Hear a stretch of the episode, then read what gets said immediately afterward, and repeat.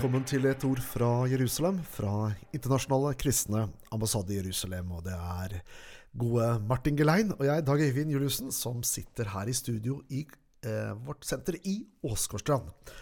Og Martin, tirsdag 1.11. så var det det femte valget i Israel på fire år. Israel har samme valgordning som oss, at de har valg til parlamentet hvert fjerde år. Men nå har det altså vært fem valg på fire år. Nå har det gått to dager når du og jeg sitter og snakker sammen eh, for å lage dette programmet her. Eh, hvordan ser resultatet ut nå? Nei, eh, for det første så er det en ganske god oppslutning ved valget. Over 70% har stemt. og det er jeg tror jeg må tilbake til 1999 for å se en like høy valg, nei, oppslutning rundt valget. 90% av stemmene er talt, og det betyr at ikke det alt er endelig avgjort. Men det som viser seg tydelig, det er det at uh, høyreblokken har vunnet et, et, betydelig flertall, og at Netanyahu vil bli Israels neste statsminister. Mye skal til om ikke det skjer. Ja, for nå har det jo uh, frem til valget nå vært en koalisjon av sentrum-venstresiden. Ja, det har jo vært sånn at uh, Benjamin Netanyahu er jo uh, Israels lengst sittende statsminister. Og han har jo i løpet av sine to regjeringsperioder eh, fått mange fiender. og de har samla seg sammen på, på, kryss og tvers av alle politiske uenigheter for å styrte, styrte han. Og, og, det er derfor det har vært så mange valg på så kort tid. For i utgangspunktet så er Netanyahu sitt parti det største, og høyresida eh, den største. Men i Israel så er det sånn at du må ha flertall bak deg i Knesset for å kunne danne regjering. Og det er 120 seter i Knesset, så du må altså ha 61 representanter bak deg. Og høyresida har ligget litt under det hele veien. Og nå i, sist så greide altså venstresida og sentrum og et arabisk parti å danne en historisk bred koalisjonsregjering eh, og få et flertall bak seg og hindre Netanyahu i å bli statsminister. Men den regjeringa, den eh, ble jo oppløst ganske tidlig, som alle hadde spådd. Og nå har altså Netanyahu gjort et brakvalg. Mm. Eh, høyresiden har hatt et, en liten majoritet tidligere. Ja, Hvordan var det? Ja, de har mangla en representant eller to for å få et uh, flertall. For en skikkelig majoritet. Ja. Men de har likevel sittet med statsminister, eller med regjeringsmakten opp gjennom årene en rekke ganger. Ja, ja, det har de. Og som du sier her, eh, Netanyahu er Israels lengstsittende statsminister. Um, for oss som følger det israelske samfunnet, så er det jo debatt um, om nesten alle ting. Og det er sterke meninger. Det er sterke, sterk debatt. Ikke bare i, i, i, mediene, men også i Knesset. Så er det jo høy temperatur mange ganger når det gjelder den pågående politiske debatten. Det er jo gjerne sånn at når, når de da angripes utenfra, så står man sammen. Men ellers så er det mye, mye diskusjon. Ja, sånn som Netanyahus eh, partnere nå i regjering er jo ultraortodokse, to ultraortodokse partier og et, eh, et stort eh, nasjonalistisk parti som av mange blir definert som ekstremister. Mm. Eh, nå er det jo sånn at eh, ekstremister anklager hverandre for ekstremisme. Det gjelder både høyre- og venstresida. Så i den forrige regjeringa var det andre som anklagde venstre, ytterliggående venstrepolitikere for å være ekstremister. Så mm. sånn er det.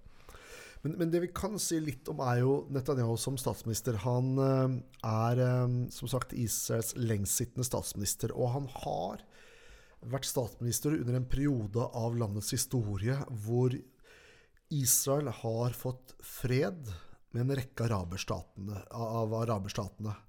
Og vi kommer ikke utenom det faktum at Trump hadde mye av eh, var sterkt delaktig og regien på Abraham-avtalene, som er historiske.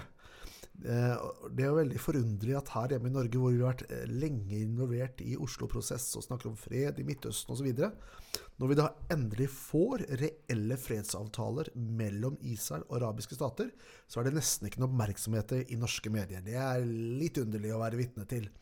Eh, men Netanyahu har jo vært med i denne prosessen. og I tillegg så har nye markeder Nye land, nye områder åpnet seg for både samhandel og dialog og relasjon med Israel. Og ikke bare det, men Israel har også en veldig sterk økonomi. Eh, en av de sterkeste valutaene. Altså Ved bankkrisen i, som var for en, en, del år tilbake, så var den israelske sjekelen nesten uberørt. Så Um, man kommer jo ikke utenom at uh, under hans statsministerledelse så har Israel oppnådd mye som stat og nasjon. og Derfor har de også fått et nytt uh, votum fra velgerne.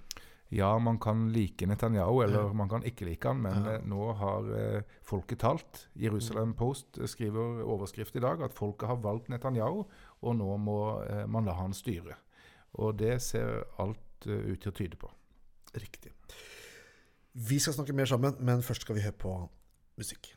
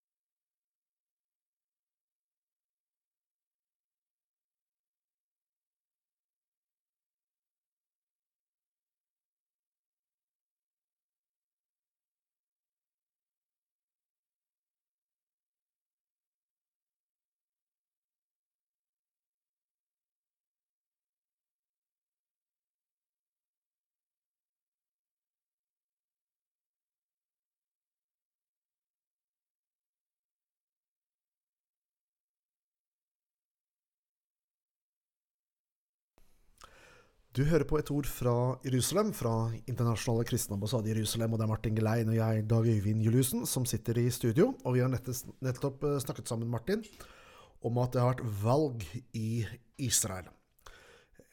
Vi må jo bare kommentere at det er også det eneste reelle demokratiet i hele Midtøsten og Nord-Afrika som, eh, som vi snakker om nå, faktisk. Men eh, valg i Israel, Høyre side og venstre side. Hvorfor skal vi som kristne støtte dette landet, dette folket. Nei, Sett fra utsida så kan det nok se litt merkelig ut at vi har så ekstrem interesse for Israel. Og man kan, som, som du sier, hvorfor, hvorfor, skal vi være opptatt av Israel? Hvis vi går noen hundre eh, år tilbake, eller kanskje til og med noen tusen år tilbake, så eh, kunne man stille det samme spørsmålet. Og I lys av historien så forstår vi det, at det var helt avgjørende at jødene bodde i landet sitt for at Jesus skulle bli født i Betlehem, vokse opp i Nasaret og lide og dø og gjenoppstå i Jerusalem. Det var en del av Guds frelsesplan. At folket skulle være det landet, og ut fra det folket og det landet så ville Gud eh, velsigne oss alle. Og nå sier Paulus det at Gud ikke er ferdig med sitt folk, at løftene står fast. Mm. At Israel fremdeles har en rolle i Guds frelsesplan, enten vi liker det eller ei. Og enten de responderer på en korrekt måte, eller de ikke gjør det. Så Gud fører nå folket sitt hjem for å frelse dem. Og når hele Israel er frelst, så vil det føre til en velsignelse for alle mennesker og alle folkeslag. Og det er det vi tror på. Mm. Og det gjør jo også noe med oss, vår trosliv, trosliv også. Fordi Jesus sier at 'jeg har sagt dere det før det skjer', for at dere skal tro når det skjer. Og vi kommer jo ikke utenom det at når det gjelder Bibelens profetor, Jesaja sa, Jeremia, Esekiel, Daniel, Amos osv., så, videre, så har jo vi kristne en tendens noen ganger til å spekulere inn i framtiden. Og det får man jo lov til å drøfte og vurdere og tro noe om. Men, men, Jesus sier noe om at han har sagt det før det skjer, for at vi skal tro når det skjer. Mm. Og det er jo det vi er vitne til i dag. Det at jødefolket kommer hjem i dag, det er jo et bevis på at Bibelen er sann. Mm. Fordi dette har ikke skjedd med noe annet folk gjennom historien. Det er et mirakel i seg sjøl at den jødiske identitet og det jødiske folk har bevart etter ca. 2000 år med diaspora og landflyktighet. Moderne forskning sier at et folk som blir fordrevet fra hjemlandet sitt, vil bevare sin nasjonalidentitet i maks 400 år.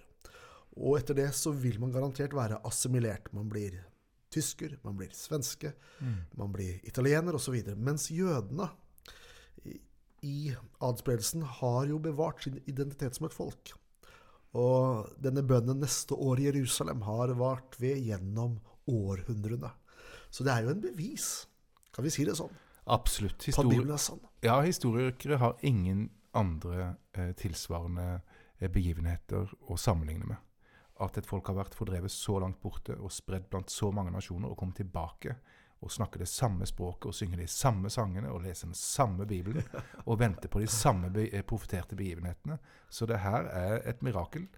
Eh, og, og, det er noe Gud gjør i vår tid, og det skulle styrke troen vår. Eh, der vi befinner oss i våre Eh, liv, i våre kamper og strider. Og det kan være vanskelig å tro av og til på at Gud vil involvere seg og svare på bønnene våre og se til landet vårt og folket vårt osv. Men når vi vender blikket mot Midtøsten og mot Israel, og så er det bitte lille forfulgte folket vender hjem fra alle verdens nasjoner og overvinner all motstand, så er det et tydelig budskap til oss alle om at Gud er den han sier seg å være. Mm. Og dette er ikke bare en liten eh, parentes i, i, Bibelen. Det er kanskje den hendelsen i vår tid som de fleste av profetene taler om. Nemlig at jødene skal hjem fra landflyktigheten og fra jordens ytterste ender. Ja, du har lyttet til et ord fra Jerusalem, fra Internasjonale kristne ambassade Jerusalem. Og det var Martin Gelein og jeg, Dag Øyvind Juliussen, som takker for følget. Takk for nå. Gud velsigne deg.